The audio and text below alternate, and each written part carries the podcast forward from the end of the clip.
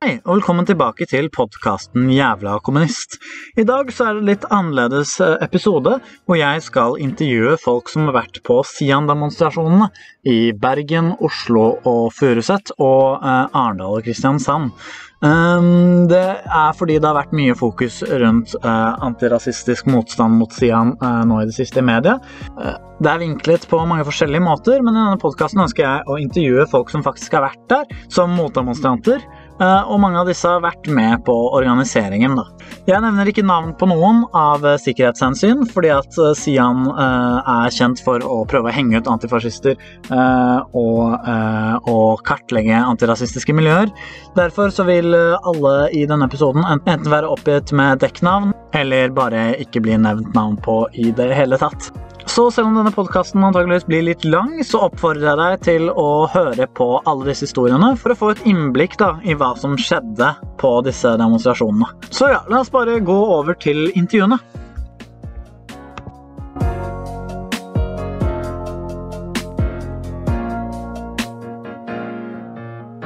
Ok, da sitter jeg her med en antirasist fra Oslo som har vært med på de siste to motdemonstrasjonene mot Sian uh, i Oslo, uh, om jeg husker rett? Det er riktig. Uh, la meg se. Hvilke to var det? Bare sånn. Furuset og Oslo. Og så er Furuset og ja, okay. Eidsvoll plass, da, på en måte.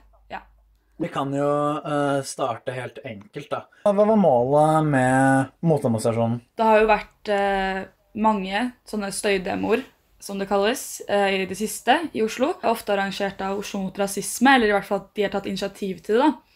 Uh, og målet er jo som regel at man støyer, uh, som vil si at man på en måte skal overdøye, da, overdøve Sian, uh, for å hindre dem i å spre budskapet sitt.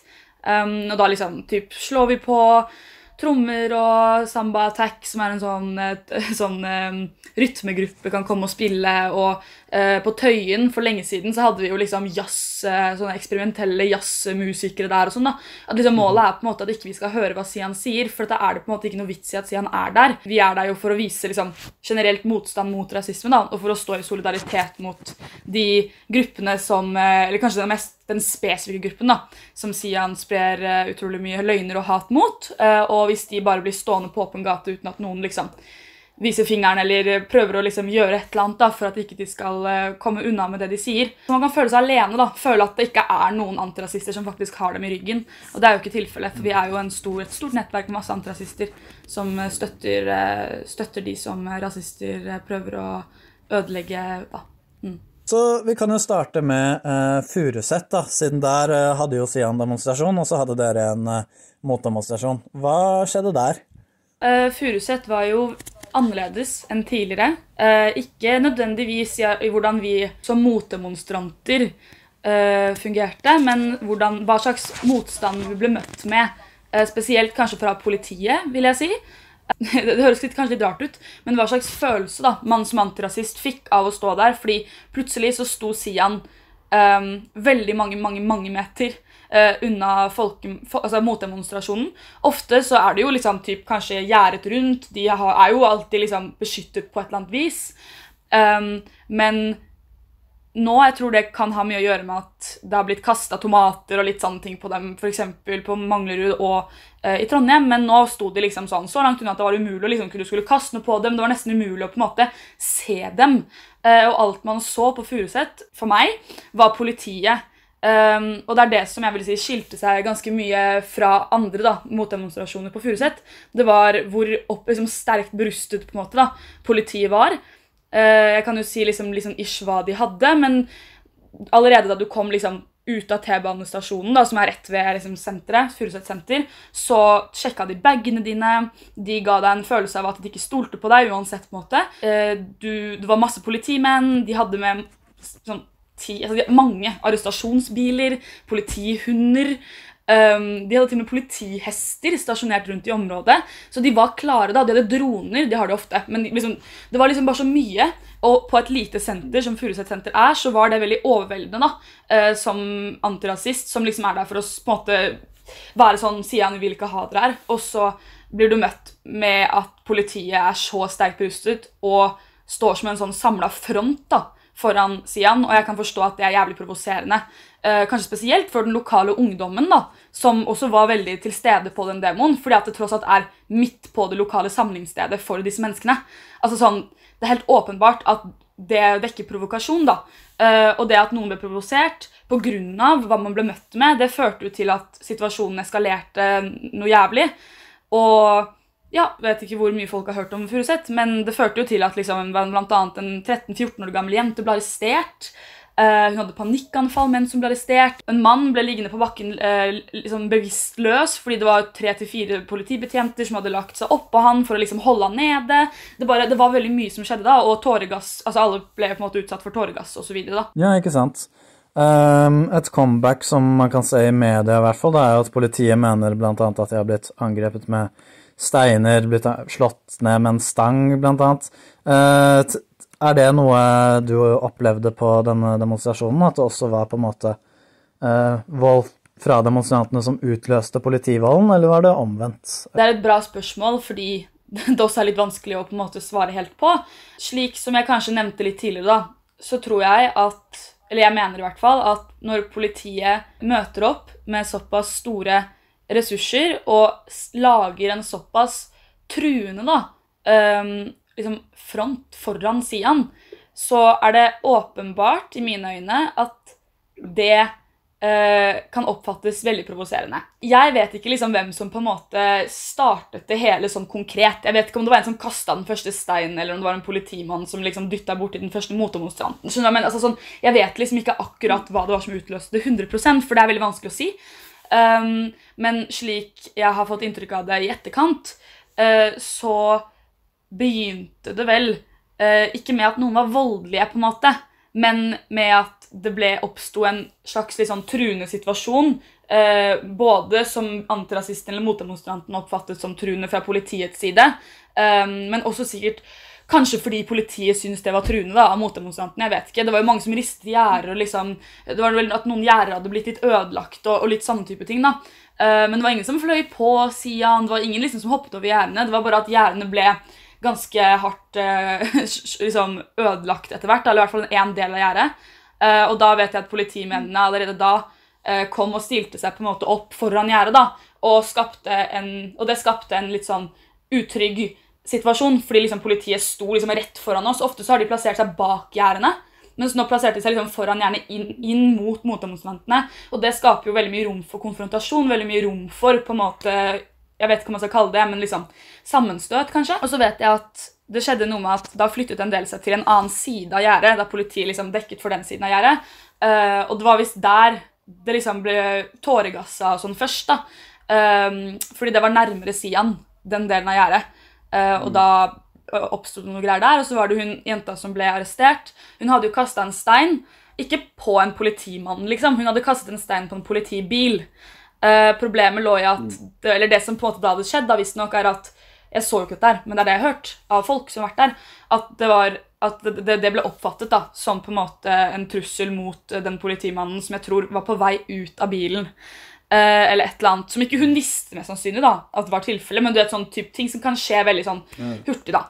Um, og da hun jenta ble arrestert, så var det en veldig Det, ble, det ble, var nok en veldig sterk affære, fordi liksom hun både uh, gråt og skrek, og det var noen folk som prøvde å liksom få henne vekk da, fra å ikke bli arrestert. og Da hadde noen politimenn tatt liksom kvelertak og bodyslamma noen. og liksom, Det var veldig mye som hadde skjedd i mm. hele den arrestasjonsgreia og liksom i alt det virvaret der. da, at da ble Det jo, det var jo da det spisset seg ordentlig til. og Det var jo da folk begynte å kaste steiner på politibilen og begynte å bli skikkelig sinna. Og jeg tenker da at litt uavhengig av hvem som kasta den første steinen, eller hvem som uh, reiv i et gjerde, eller hvem som uh, stilte seg foran gjerdet, eller whatever altså sånn, det, Uansett så skulle politiet, når de skjønte at situasjonen var så tilspisset, allerede da de måtte stelle seg foran det gjerdet, og ting begynte å skje eh, litt nærmere Sian, på en måte, så burde de bare ha tatt og fjerna Sian.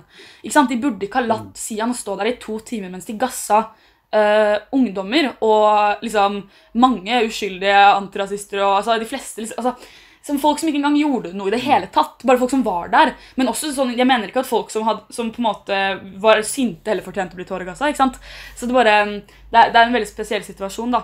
Det er, det er, jo veldig, veldig annerledes, og det er jo klart at det er et eller annet som har skjedd der. ikke sant? Fordi andre Sian-demonstrasjoner har jo overhodet ikke eskalert såpass mye. Det har kanskje vært noe pepper spray, men det er liksom Det har ikke vært noe lenger enn det. da.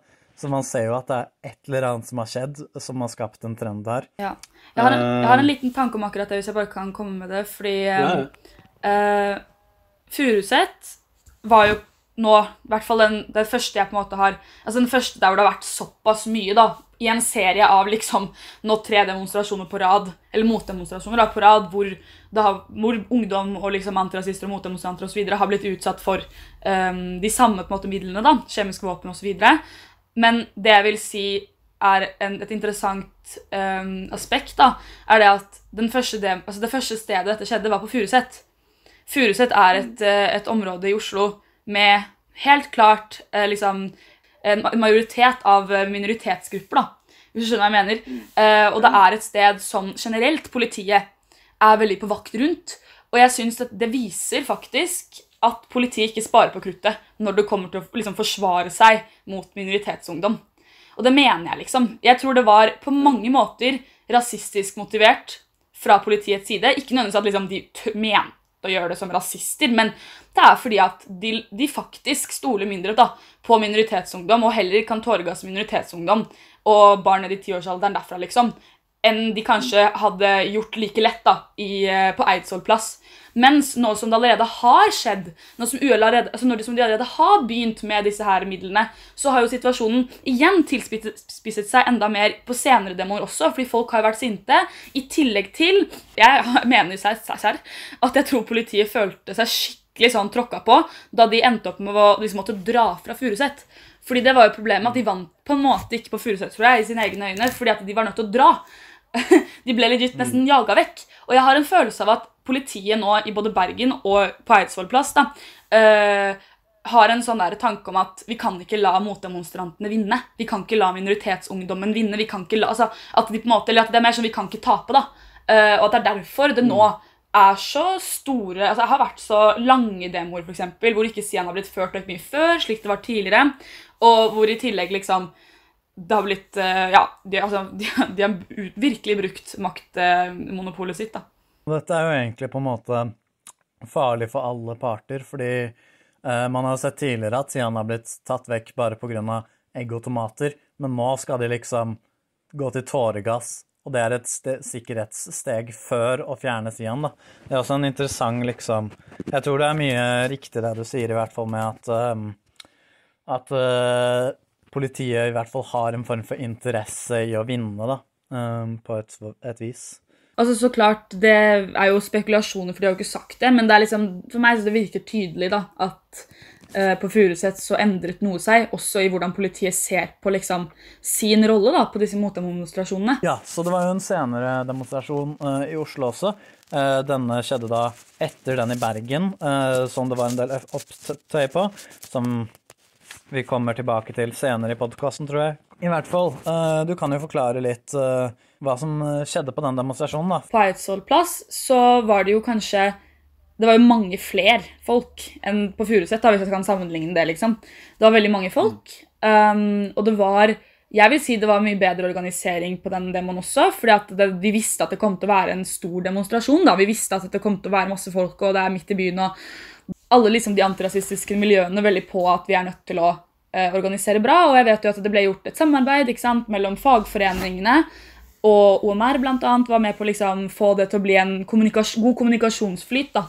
Eh, og det gjorde jo hvert fall at det, at det ikke ble like kaotisk eh, som det f.eks. ble på Furuset eh, og også i Bergen. da, men eh, i hvert fall på Furuset. Så, det ble, så det var, jeg syns det var bedre organisert, men det ble jo fortsatt brukt kjemiske våpen mot eh, motdemonstranter som egentlig ikke gjorde så veldig mye galt. Der jeg sto, da, så var det liksom en stor gjeng som på en måte prøvde å heise litt på gjerdene og rista litt i gjerdene. Og så var det også en stor liksom, gjeng med ungdommer og politisk aktive som også sto og liksom, ristet i gjerdene osv. Eh, men det var jo ikke noe annet på en måte disse politiske, liksom, politiske ungdommene I guess, gjorde enn å riste i. Men allikevel, når politiet da først kom, da, med, det var peppersprayen vi ble, vi ble utsatt for da, uh, så uh, på en måte gikk jo det utover folk som også ikke ristet i gjerdene. Det gikk jo også utover de som ikke gjorde noen ting. da. Politiet kan si at det er greit, altså de gjorde det fordi noen gjorde ditt og datt og var truende, eller whatever, men uansett så går det utover folk som ikke gjorde det. Og jeg mener heller ikke at det å riste i et gjerde skal være noen grunn til å bli uh, liksom pepperspraya eller tåregassa, for den saks skyld. Fordi i Bergen så vet jeg i hvert fall at det var en som eh, hadde slått til Lars Thorsen. da, Eh, og jeg kan jo se at kanskje noen ikke prøvde på det samme, eller at det ble litt samme type, og at det skjedde litt det samme da, i, i, på, på Eidsvoll plass, for det var jo noen som hoppet over gjerdene. Um, og, og, litt sånn Så det var jo helt klart konfrontasjoner mellom motdemonstranter og politiet. Uh, og litt motdemonstranter og Sian. Det var jo et veldig lite mindretall da, som gjorde det. Og allikevel så var det et veldig stort En veldig stor Veldig mange som ble utsatt for, eh, for kjemiske våpen osv. Men det som var bra med den demoen, var at den var svær og stor, så i hvert fall så fikk vi overdøvet Sian mye mer enn på Furuset, vil jeg si. Så ja, det var jo mer vellykket i mine øyne. Men så ble det jo mye medieomtale rundt det, da, som var ganske negativt rettet mot motemonstrantene, og det syns jeg er problematisk.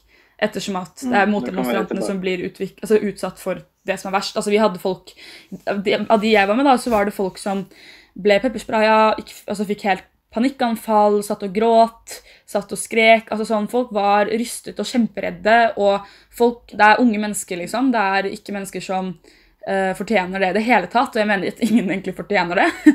Eller kanskje Sian, men liksom ellers ingen. og, og, og, ja. Så du var der jo, uh, fikk med deg mye av det som skjedde. Hvordan tenker du at media har uh, Hva tenker du om medias dekning av saken? Føler du den her representativ for hva som skjedde? Der er det også en forskjell på hvordan ting ble vinkla, eller hvordan ting ble i hvert fall på en måte fremstilt da, på Furuset kontra Oslo og Bergen. Eller ikke Oslo og Bergen, men Eidsvoll plass og Bergen. Um, Furuset blir jo fort litt glemt, på en måte.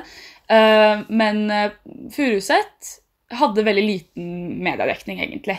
Det var i stor grad på en måte noe man spredte rundt igjennom uh, i liksom forskjellige nettverk og miljøer. Det var ikke informasjon jeg synes man fikk i det hele tatt gjennom Dagbladet eller VG eller NRK eller whatever. I Bergen og i, på Eidsvoll plass da, så var det jo mye mer mediedekning. Altså, herregud.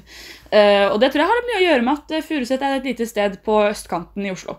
Um, og det er ikke Eidsvoll plass, og det er ikke torget på liksom, den Bergenplassen. jeg vet hva heter det. Men ja, den dekningen som Bergen og liksom, Eidsvoll plass da, har fått, vil jeg jo si at har vært vinkla veldig mot motdemonstranter. litt som vi var inne på i sted også, vært spesielt vinkla mot liksom, uorganiserte antirasister, spesielt av de med minoritetsbakgrunn. En ting jeg litt, føler for å legge litt til der, er at de ignorerer jo på en måte omstendighetene som skaper volden, med at mange av menneskene som eh hopper over gjerdet, kanskje er folk som daglig blir utsatt for eh, rasisme, f.eks., og at det på en måte derfor er det lett at, man, at, denne frustrasjonen på en måte kommer ut. da, At de kanskje ikke tar så mye hensyn til det. De vil bare skrive overskrifter om uh, voldelig, ekstrem ungdom som uh, går mot det fantastiske, ufeilfrie politiet. Ja, det er, det er, helt sant, altså. Og politiet har en veldig sterk stemme uh, i samfunnet i dag, og det har en veldig sterk stemme i media generelt. og ofte så er jo det første man hører, ikke sant? man hører rapporter på en måte uh, om hva som har skjedd, så hører man jo det fra politiet. Måte, altså sånn, de får fort lov til å si hva det er som har skjedd. da. Uh, og når de får lov til å komme og definere allerede fra starten av hva som skjedde, så kan det være veldig vanskelig å gi et annet perspektiv på det gjennom liksom, stormedia. Men nå har det jo heldigvis vært en del uh, leseinnlegg, og det har vært mye ute som har vært, liksom, som har vært liksom, i motdemonstrantenes favør, helt klart, og det er veldig bra. Men problemet er at det er ikke det første folk ser. Det første folk ser, er, er, det at politiet sier at nei, motdemonstranten var voldelig. liksom, Det eskalerte fordi noen hoppet over gjerdet. Det er det man ser. ikke sant? Og da er det så vanskelig å endre generelt folks syn på, på de motdemonstrasjonene altså motdemonstrasjonene, da, når det er utgangspunktet for folk. Når vi først snakker om media, eh, hva syns du eh, om eh, at Sian ble invitert på Debatten f.eks., og fikk hva skal man si, utløp for sine meninger der? Mm.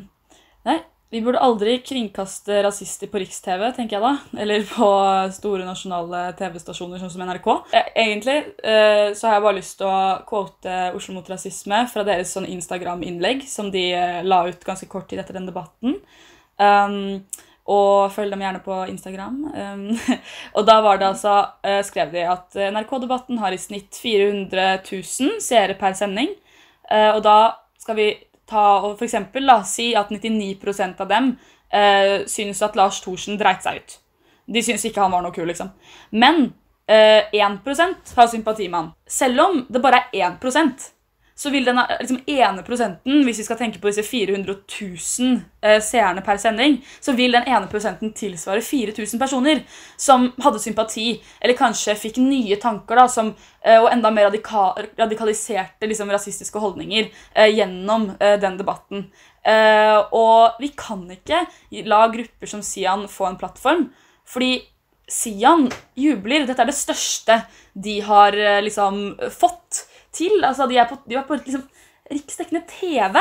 Eh, og fått lov til å snakke om hvem det er de skal så, sånn, Lage sånne hitlister. Altså, han, Solvang var jo sånn herre ja, nei, Hvem er det dere skal ta? liksom? Hvem er det dere ikke vil ha her? Hvem er gode muslimer? Altså, og, og de navnga folk på TV! Ikke sant? Tenk så farlig det er for de menneskene som ble navngitt. Um, altså sånn, og, og, og, det at han også spurte om Ja, uh, er denne personen her norsk? Altså sånn, liksom det er veldig problematisk da, at vi gir eh, sendetid Eller at, vi, at vi, ja, vi la, de gir den plattformen til en, en, en rasist, liksom. Eh, og Sian jubler av det. Eh, og jeg syns, og Oslo mot rasisme syns, og det er det de som skriver, at noen antirasister også jubler. Er for oss helt uforståelig. Så uh, nå har vi jo prata litt. Uh, for å ta to slags avsluttende spørsmål, da. Uh, jeg tenker vi slår de sammen. Hva tenker du antirasister videre bør gjøre eh, for å unngå eh, utrygge hendelser rundt Sian-demonstrasjonene. Hva mener du er den ideelle måten å på en måte organisere antirasistisk motstand, eller motstand mot rasisme på, da? Um, vel, bare for å starte med det første.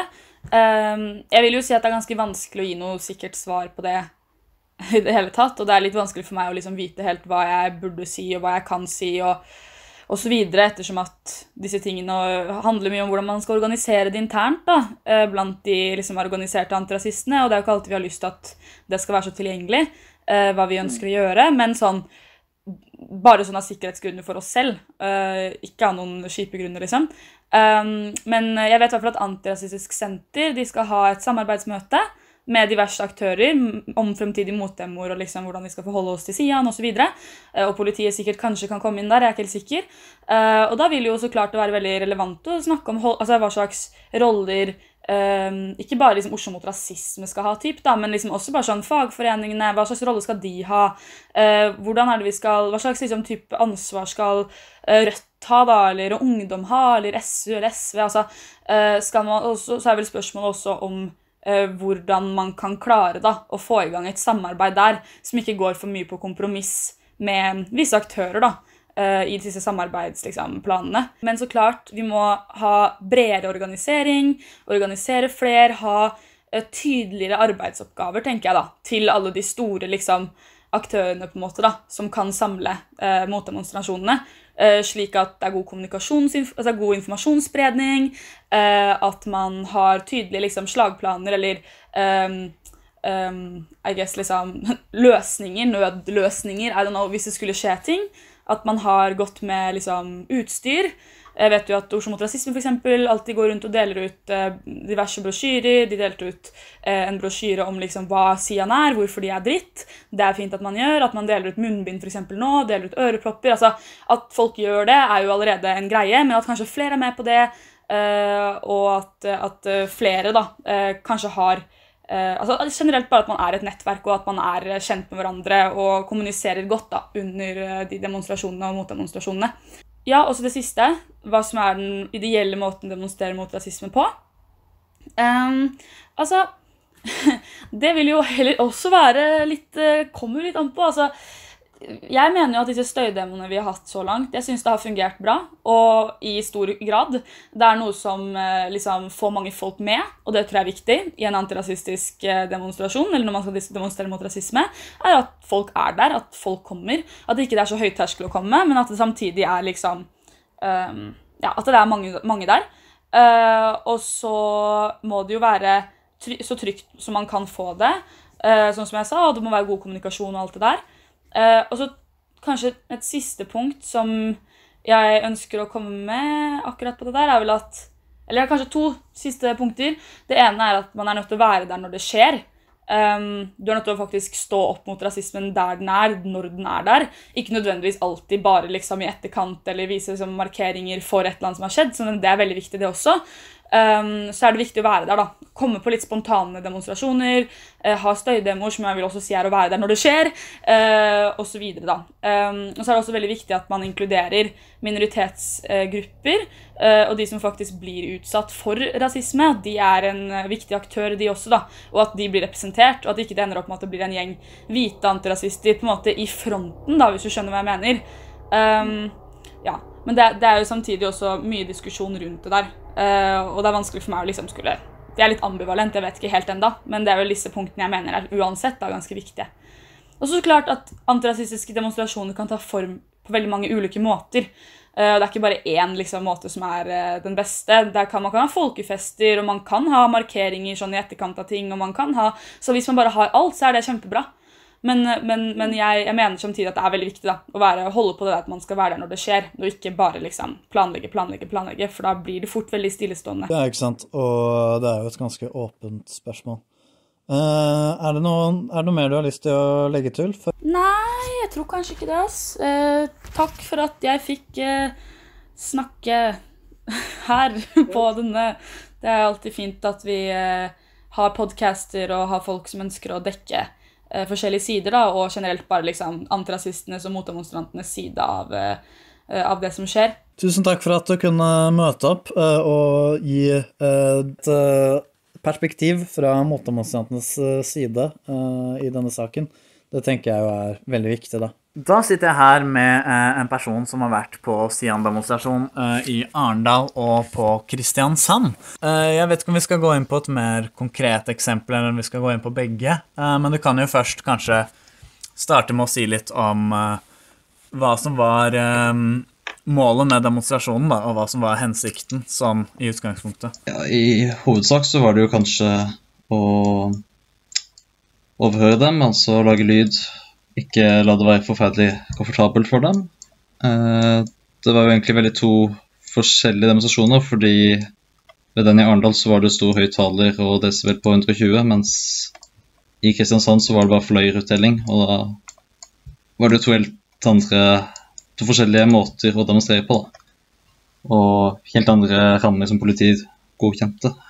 Så ja, Hva skjedde på disse demonstrasjonene? I Kristiansand da hadde de fått lov til å holde på i to timer. De holdt på i 1 time og 55 minutter før de vel egentlig innså at de ikke hadde fått noe særlig spennende til, og de valgte å finne fram Koranen og tvinge fram en provokasjon som endte opp med at en del storma over gjerdet. Og det ble et skammeri med politiet. Så var det Kristiansand dagen etter, hvor de ikke var like spennende hva som resulterte med, men da var det jo at motdemonstrasjonen fikk holde på ti meter unna på gata med et stort banner og sang mot dem rett og slett i halvannen time. Ja. Før de ble eskortert bort av politiet. Ja, ikke sant. Og det funka faktisk veldig bra. Det var folkemassene som omringa dem. og det var... Mm. Hvordan var eh, politiet på disse demonstrasjonene? Men... Altså, vi er jo stadig forbanna over at de får eh, holde på med korankjenninga deres, men eh, hvis vi tar det til side og mener at de skal ha lov til det, liksom, så ja, da vet jeg ikke nøyaktig hva mer politiet kunne gjort i situasjonen. Men altså, i Kristiansand så var det jo ikke noe særlig provokative sånn sett. Det var jo bare at de ville ha oss litt lenger unna dem enn det vi kanskje ville. Men uh, hvis det er Arendalseksempelet, så er det jo ja, det var jo en som ble lagt i bakken, og en de holdt nede altfor lenge. Det var opprørspoliti som kom stormende på. Det var kanskje en litt sjokkerende opplevelse for mange, men uh, det var vel ikke uh, Altså, jeg vil ikke straffe eller gå hardt ut med politiet for akkurat den situasjonen heller. Det var ikke akkurat tålelig gassbruk til. Det er kanskje et stort og litt vanskelig spørsmål å svare på, men jeg stiller eh, det ut allikevel. Hva tror du kanskje skjedde mm. annerledes på disse demonstrasjonene som kanskje forhindra at uh, du fikk en situasjon à la Bergen eller Oslo eller Furuset? Uh, uh, for det første at det nok var ganske mange færre folk. Det gjør det jo til helt andre rammer når det er i storbyer som Bergen og Oslo, i forhold til en liten sørlandsby som Arendal. Automatisk. Um, så i stor grad enklere for politiet å opprettholde kontrollen sånn sett.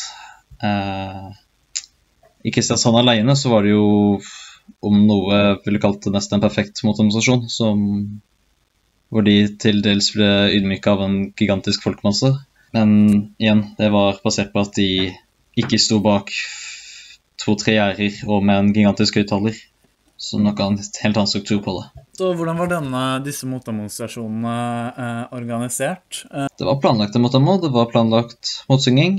I Kristiansand så var nok dette veldig mye mer strukturert med at det var en veldig aktiv motdemo som sto mot dem, mens det var en mer passiv folkemasse som omringer ellers rundt. Mm. Eh, I sidegatene, holdt jeg på å si. I Arendal så var det jo generelt vanskelig å mobilisere. Det var veldig mange som kom til, det var mange som ble med. Det var mange som eh, sto andre steder, og som Altså, det var ikke akkurat de aktive motsangerne som storma over, men eh, jeg kunne nok forsøkt å vært organisert bedre. Men eh, det var vel ikke akkurat noe vi hadde forventa at skulle eskalere såpass som det gjorde heller da det skjedde. Det var i det hele tatt også ganske mange flere som møtte opp enn det som også var forventa. Mm. Uh, hvordan var uh, oppmerksomheten rundt uh, demonstrasjonen? Ble det mye oppmerksomhet rundt det i ettertid, eller, eller ble det Tenker på medieoppstyr, liksom? Ja, media, eller generelt sett om det ble en lokal altså, ting? I all hovedsak så forholdt det seg ganske lokalt. Det var et par-tre leserinnlegg i lokalavis Agderposten etter den i Arendal. Ikke sånn så var det knapt et noe på Sørlandsnyhetene, men ellers var det ingenting, rett. Det var et helt annet oppsyn når det kom til Bergen og Oslo. Abid Raja for eksempel, er jo gått ut og sagt eh, bl.a. at man ikke bør demonstrere mot Stian for å, fordi da gir man dem oppmerksomhet, eller mm. uh, at man gir dem oppmerksomhet som ikke de er verdig. da. Hva, hva tenker du om uh, det mm. og de argumentene? Jeg tenker jo at det er litt sånn Man skal på en måte stå opp. Skal man liksom Det ender liksom opp med at det er mange som kommer dit bare fordi de blir frustrerte og provoserte, og det er ikke det man skal gjøre å sky seg unna og unngå å hjelpe disse menneskene, på en måte. da. Eh, man er jo der på en måte for å stå i solidaritet med dem også, mm. tenker jeg. Og jeg føler det blir helt feil grunntanke å tenke at her skal man bare ikke møte opp fordi det fortjener de ikke. Ja, ikke sant. Eh, jeg skjønner. Og nå som vi først er inne på motargumenter, da, så vil jeg gjerne også spørre om dette med et ytringsfrihetsargumentet, for det er sikkert en del som lytter, som eh, mm. har litt sånne tanker at eh, Sian bør eh, få lov å demonstrere på lik linje med andre uten at folk skal komme og overdøve dem, og at det kanskje er udemokratisk å sensurere dem. Hva, hva, tenker du om det? for det aller første så syns jeg ikke høyttaler på så mange desibel er nødvendig. At de kan liksom spre en høyttaler over hele sentrum over to timer, det er faktisk forferdelig voldsomt. Uh, i, det var vel også eksempler i Oslo hvor dette skjedde i boligstrøk og hele pakka. Mm.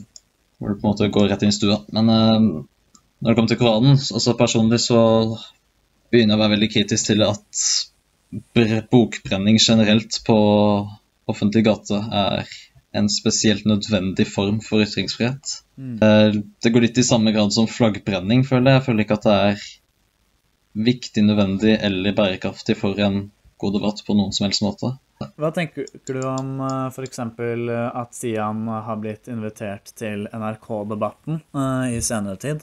Nei, og... det var Det var for veldig kritisk, egentlig.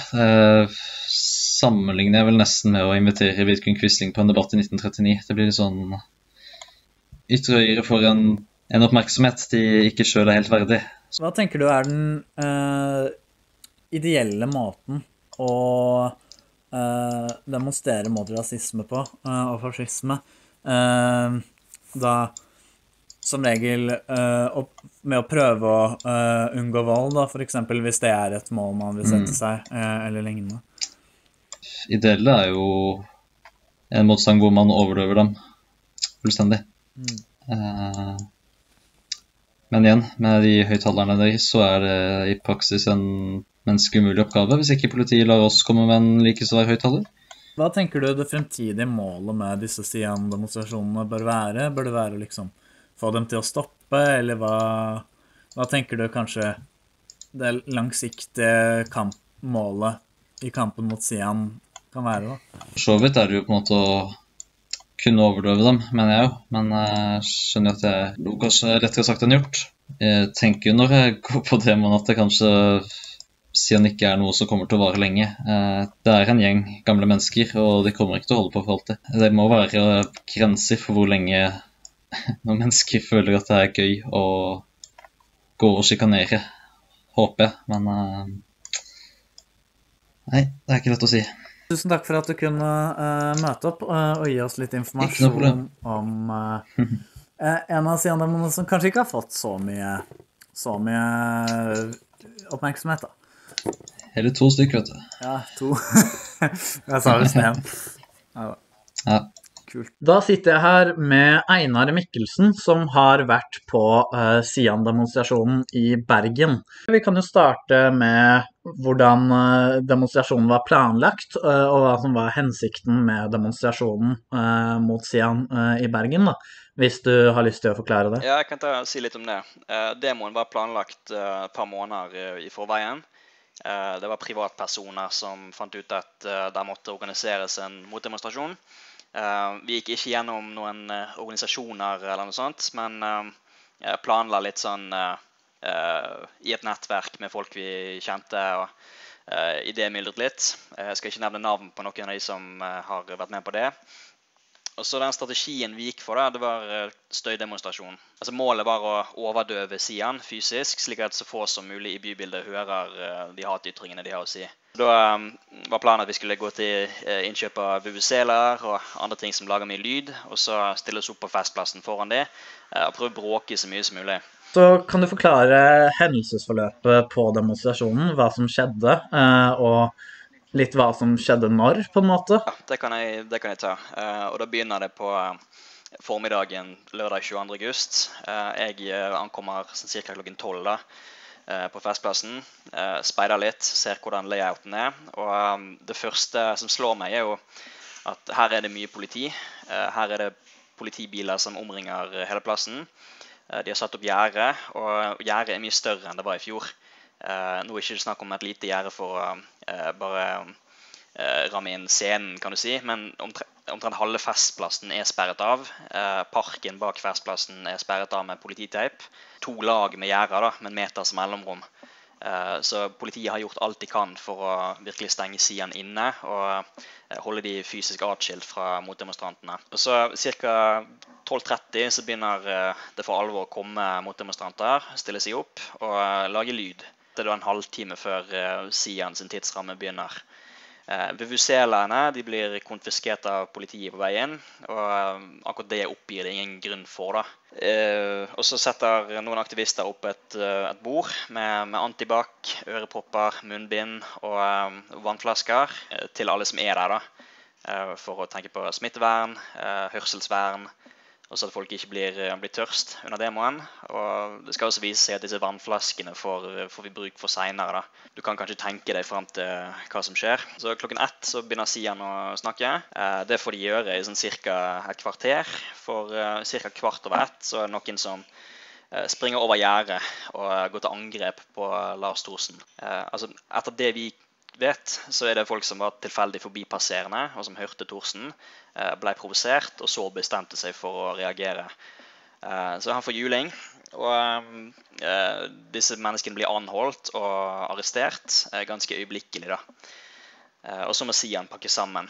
Så de har fått snakke i ca. et kvarter før, de, før Thorsen kjører vekk i bilen sin. Så blir det virkelig spennende.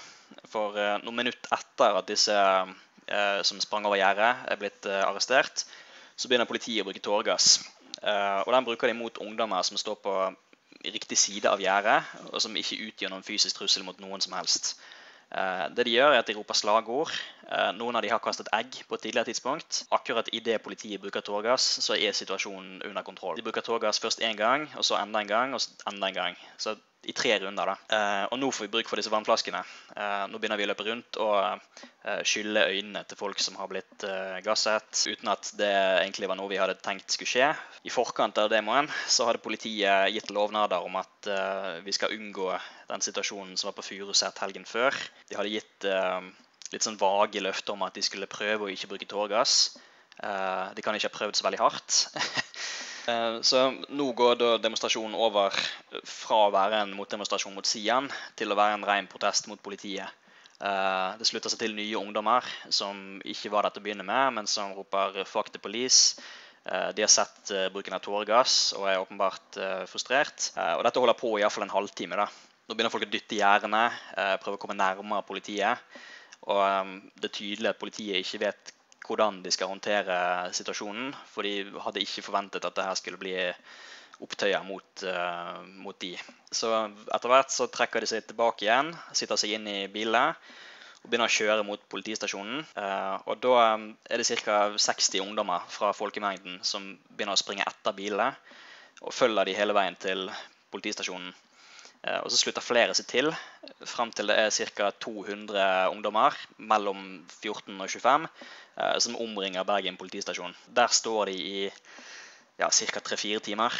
Det er verdt å understreke at nå er det flere som demonstrerer mot politiet utenfor stasjonen, enn det var på Festplassen til å begynne med. Hva tenker du om eh, politiet sine påstander uh, om at uh, det ble kastet stein uh, fra de bak gjerdet, og at de dermed måtte ty til eh, tåregass? Påstanden om at det haglet med stein, den vil jeg avvise som løgn, for det gjorde det ikke. Eh, Det er ingen som har sett at det haglet med stein.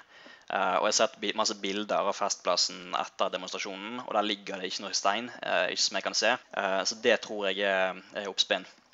Men så er det iallfall én eller to som har innrømmet at de kastet stein i ettertid. De har kanskje blitt presset til det i avhør, det vet jeg ikke.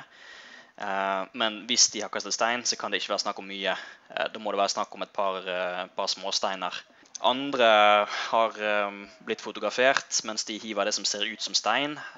Men det har vist seg i ettertid å være sammenkrøllede papirruller fra, fra disse plakatene. Så det- dette med stein er i verste fall løgn, og i beste fall oppskrytt. Ja, det var det jeg hadde tenkt å spørre deg om litt med disse eh, som har sagt i avhør, men mange av disse er jo også de samme som har blitt tatt vekk og arrestert eh, på samme tid som kanskje de som hoppet over gjerdet, da. Eh, I hvert fall slik jeg tenker det, så det, det er ikke liksom Ja, det, Mange av disse var kanskje allerede borte før de begynte med tåregassen. ja, ja, det tror jeg. For um, da de begynte med tåregassen, så var alle de som hadde hoppet over gjerdet, de var bortvist.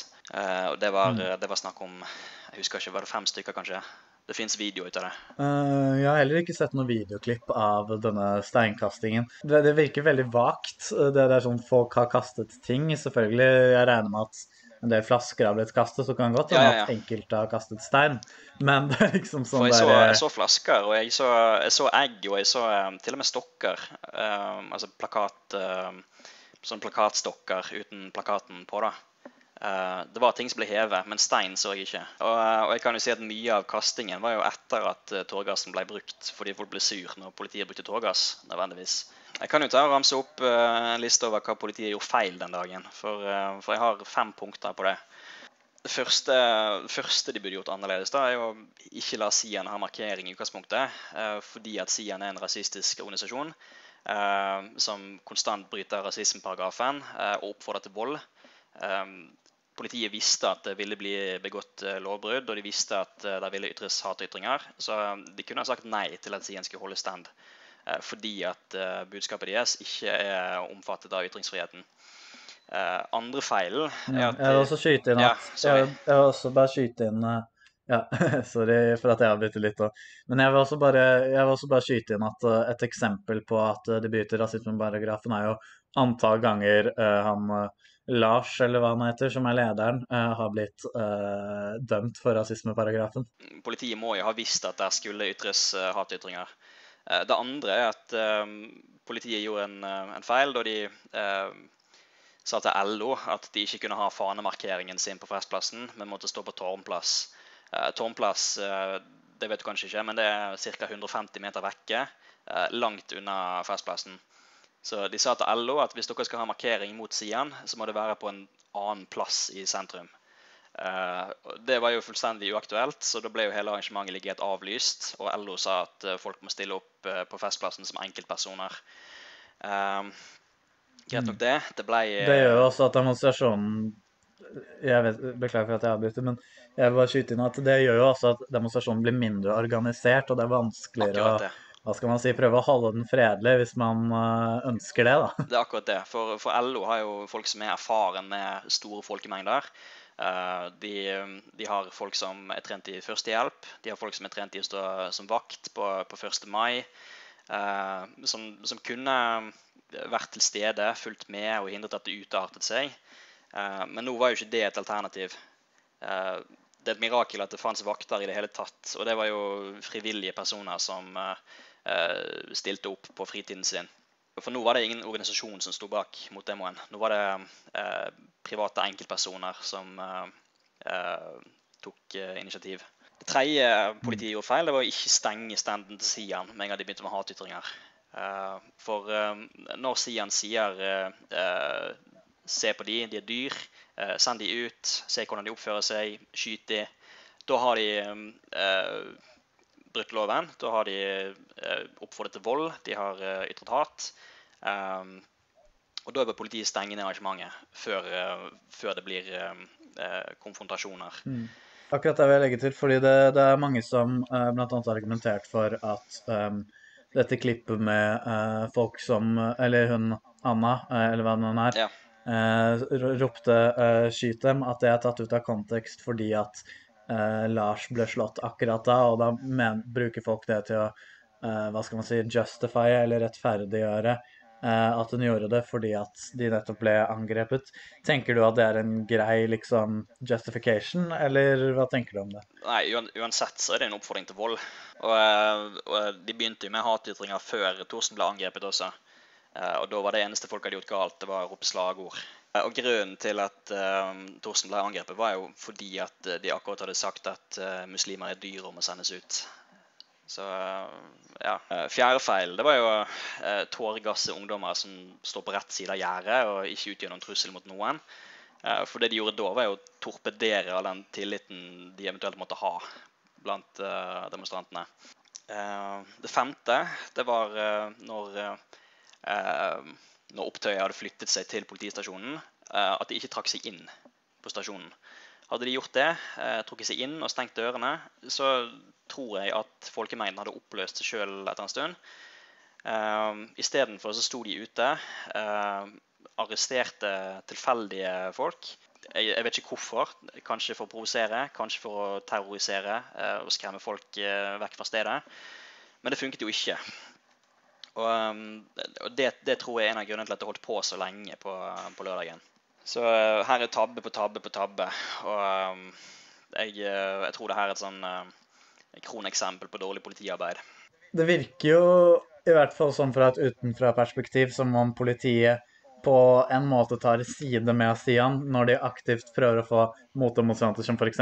LO vekk. De prøver å avskille så mye som mulig. Selvfølgelig er det å ha gjerde er kanskje nødvendig, men at de liksom aktivt unngår Eller bare ignorerer flere brudd på rasismeparagrafen, Mm. oppfordringer til vold osv. Det er liksom Politiet utgir seg jo for å være nøytrale.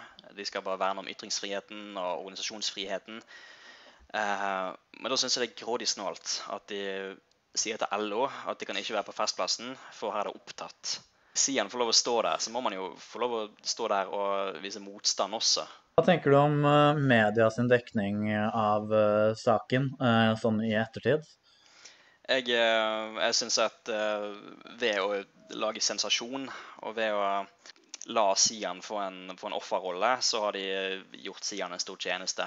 Det hadde vært greit hvis de hadde laget én sak om demonstrasjonen, genuint gått inn for å vise frem eh, flere sider av saken, og så latt det dø ut. Istedenfor har det vært uh, ukevis med, med kjør og folk som får slippe til med kronikker som eh, forsvarer Sian uh, osv. Jo, folk, folk sier at de som har styrket Sian, det er ungdommene som angrep Thorsen. Men jeg tror egentlig at mediene har spilt en mye mer eh, viktig rolle i å hjelpe Sian ved å gi dem så mye oppmerksomhet. For eh, det er ingen naturlov som sier at hvis Sian blir angrepet, så får de sympati og styrker seg. Eh, det kommer helt an på hva rolle mediene tar i ettertid. Så lurer jeg litt på eh, hva du mener eh, angående dette med NRK sin senere dekning av Sian, Sian-sakene, hvis man kan si sakene. Fordi de har jo bl.a. invitert inviterte bl.a. Sian-lederen på Debatten for ikke så lenge siden. som er et debattshow med rundt 400 000 eh, seere. Uh, og det har det jo vært ganske omstridte meninger om, da, kan man si. Ja. Um, hva, hva tenker du om uh, slik mediedekning? Jeg, jeg har ikke sett programmet, må jeg faktisk innrømme. Så jeg, jeg vet ikke om Fredrik Solvang gjorde en god jobb på grille Thorsen eller ikke. Men uansett syns jeg det var galt å invitere Sian på debatten. Fordi at man bekjemper ikke hatytringer ved å la de eh, ved la en rasistisk organisasjon ytre seg på NRK i beste sendetid. Eh, som du sier, så har debatten ca. 400 000 seere. Og det er 400 000 folk som da blir eksponert for hatytringer gjennom TV-skjermen. Når vi vet at uh, ca. en tredjedel av eh, nordmenn har skeptiske holdninger til muslimer, så er jeg redd for at Sian kan gi de, gi de ideer da, som de ikke hadde til å begynne med. Og eh, Rasismeforskningen viser at eh, eh, jo oftere man blir eksponert for hatytringer, eh, jo mer tolerant blir man overfor dem. Eh, det er liksom mengden som gir utslaget. Hvis du ser eh, hatytringer mot muslimer hver dag, så slutter du etter hvert å bry deg, og eh, blir kanskje mer åpen for å sympatisere med, eh, med rasistene. Så eh, det som funker, er å tie de i hjel, eh, ikke invitere de på debatten, eh, eller debatter i det hele tatt, og, eh, og, og isolere de. Ja, for uh, jeg er for så vidt enig uh, i det du sier. Uh, det eneste sånn ordentlige motargumentet jeg har hørt mot det, er at mange mener at når man ikke lar sånne meninger ikke, bli, ikke får noe form for talerør, så blir folk som har slike meninger, på et eller annet måte mer ekstreme. Da, at de ikke får lov å ytre seg, og at de da bare ender opp i ekkokammeret. Hva, hva tenker du om den måten å se det på? Jeg tenker, jeg tenker det er motsatt. Uh, jeg, jeg tenker det er motsatt. For uh, parallelt med at uh, den radikale høyresiden har styrket seg altså, Nå snakker jeg ikke nødvendigvis høyreekstreme, da, men høyrepopulister. Sverigedemokraterne, Frp. Disse, disse har jo styrket seg de siste ti årene. Og parallelt med det har vi også sett en oppblomstring av mer ekstreme ytterliggående rasistiske partier. Og eh, man skulle jo tro at eh, hvis eh, høyrepopulister får sette ord på, på ting, så vil noe av trykket forsvinne, og folk engasjerer seg der istedenfor. Det som heller skjer, er at det blir en aksept for mer ytterliggående rasister, og de blir mer selvsikre. Og så blir det mer rasistisk vold også. Og så er jo også en ting jeg tenker er at det, det at uh, Sian uh, blir invitert til debatten, gjør jo ikke nødvendigvis at de føler seg mer hva skal man si, inkludert, fordi at de tenker fortsatt at å ja, her inviterer de dem til Eller mange av Sian-medlemmene sier bare å ja, her blir de invitert til debatten for å bli svartmalt foran hele Norge, eller whatever. Da prøver de å ta den vinklingen på det. så så det, den, de konspirasjonsteoriene om at, eh, hva skal man si, hele verden jobber mot dem, noe som vi for så vidt på en måte bør gjøre, men at hele verden på en måte er mot dem. At de tenker at hele verden er mot dem fordi de har en form for sannhet. Da. At det på en måte det bekreftes jo også ved at man stiller dem kritiske spørsmål i en debatt eh, eller lignende. Eller at de taper debatter generelt. Og så, så er jo ikke den norske ekstreme høyresiden bare, bare Sian heller. Man har jo også uh, den terroristiske organisasjonen DNM. Uh, og de er jo også noe vi må tenke på, for de har jo forbindelser til Sian. Der er folk i Sian-ledelsen som, eh, som har kontakt med medlemmer av den nordiske motstandsbevegelsen. Eh, så hvis, når man styrker Sian, så styrker man også de. Det, det, det er ingenting som tyder på at ved å slippe Sian til i den offentlige debatten, så blir eh, trykket i trykkokeren mindre. Eh, det som heller skjer, er at de blir mer selvsikre. Eh, hatytringer blir normalisert. eh, og det blir mer rasistisk og fascistisk aktivitet. Hva tenker du uh, man kan gjøre uh, for å hva skal man si, unngå uh, slike demonstrasjoner i, i, Igjen, ikke demonstrasjonene i seg selv, men slike situasjoner som har oppstått på demonstrasjonene. For det er jo ikke ønskelig f.eks. at eh, 14-åringer blir gasset og svimer av, og slike ting. da. Og hva tenker du er liksom den ideelle måten å drive antifascistisk motstand på? da? Jeg tenker der, tenker der er flere ting. Uh, og det er flere personer som må jobbe for å unngå lignende situasjoner. Uh, det politiet må gjøre, er å uh, skoleres i hatytringer og i høyreekstremisme. Og i fremtiden ikke tillate Sian å ha disse markeringene. Det samme kan politikere i kommunestyrer jobbe for. At man ikke innvilger standtillatelse til, til Sian eller andre høyreekstreme organisasjoner. Eh, Når det gjelder motdemonstranter, så eh, vil jeg oppfordre alle til å beskytte identiteten sin og beskytte identiteten til kamerater. Fordi vi vet at Sian eh, er aktiv med å kartlegge antifascister, ta bilder av dem, trakassere folk og skremme dem vekk fra politisk arbeid. Eh, Så det å være forsiktig er noe jeg vil oppfordre til. Og så må, tror jeg vi må fortsette å eh, demonstrere helt til Sian ikke gidder mer, egentlig. Eh, målet vårt er jo ikke bare å eh, vise at vi er imot det, for, eh, for, for det vet folk jo, på en måte. Målet er å eh, for det første overdøve Sian, slik at så få personer som mulig blir eksponert for hatytringer. Eh, det andre er å demotivere dem. Og det gjør vi med å f.eks. drite de ut. Det å kaste egg på, eh, på sida. skal Sier ikke at man skal gjøre det, for eh, jeg har ikke lyst til å bli tatt i oppfordring til, eh, til vold.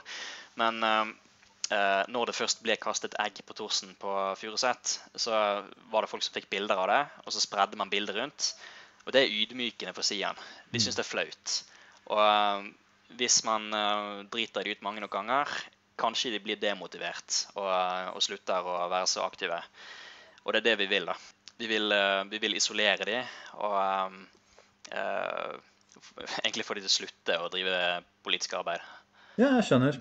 Ok, Einar. eh, tusen takk for at eh, du deltok eh, på denne podkasten.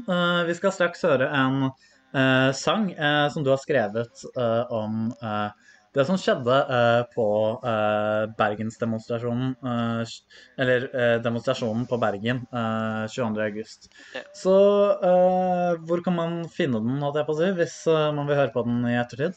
Jeg kan, jeg kan sende deg en Soundcloud-link som du kan legge ut.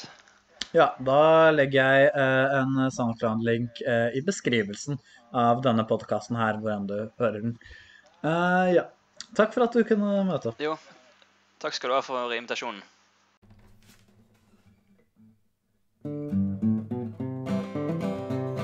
I Bergen by 22. august ble vel 15 folk arrestert. De som ikke ville finne seg i at muslimer blir trakassert. At muslimer blir trakassert.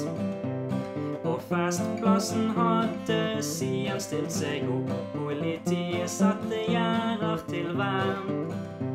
Så brakte det løs, og vi skulle snart få se en 14-åring lagt i jern.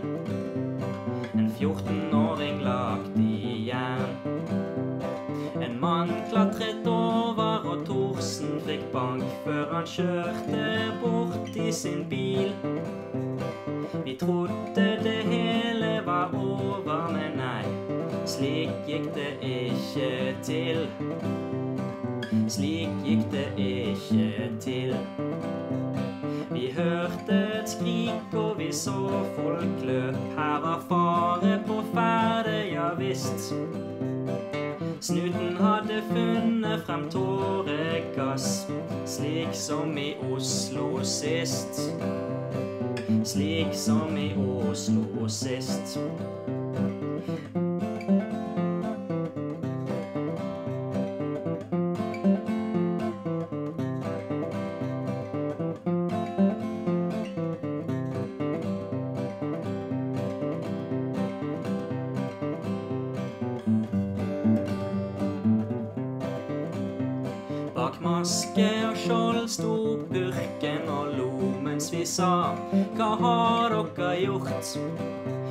Hva har dere ungdom som står i ro når de voldelige har blitt vist bort.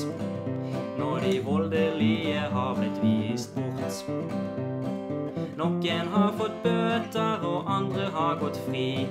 Sian ropte 'send dem ut'. I ettertid har vi i Bergen lært at man ikke kan stole på snut. At man ikke kan stole på snut.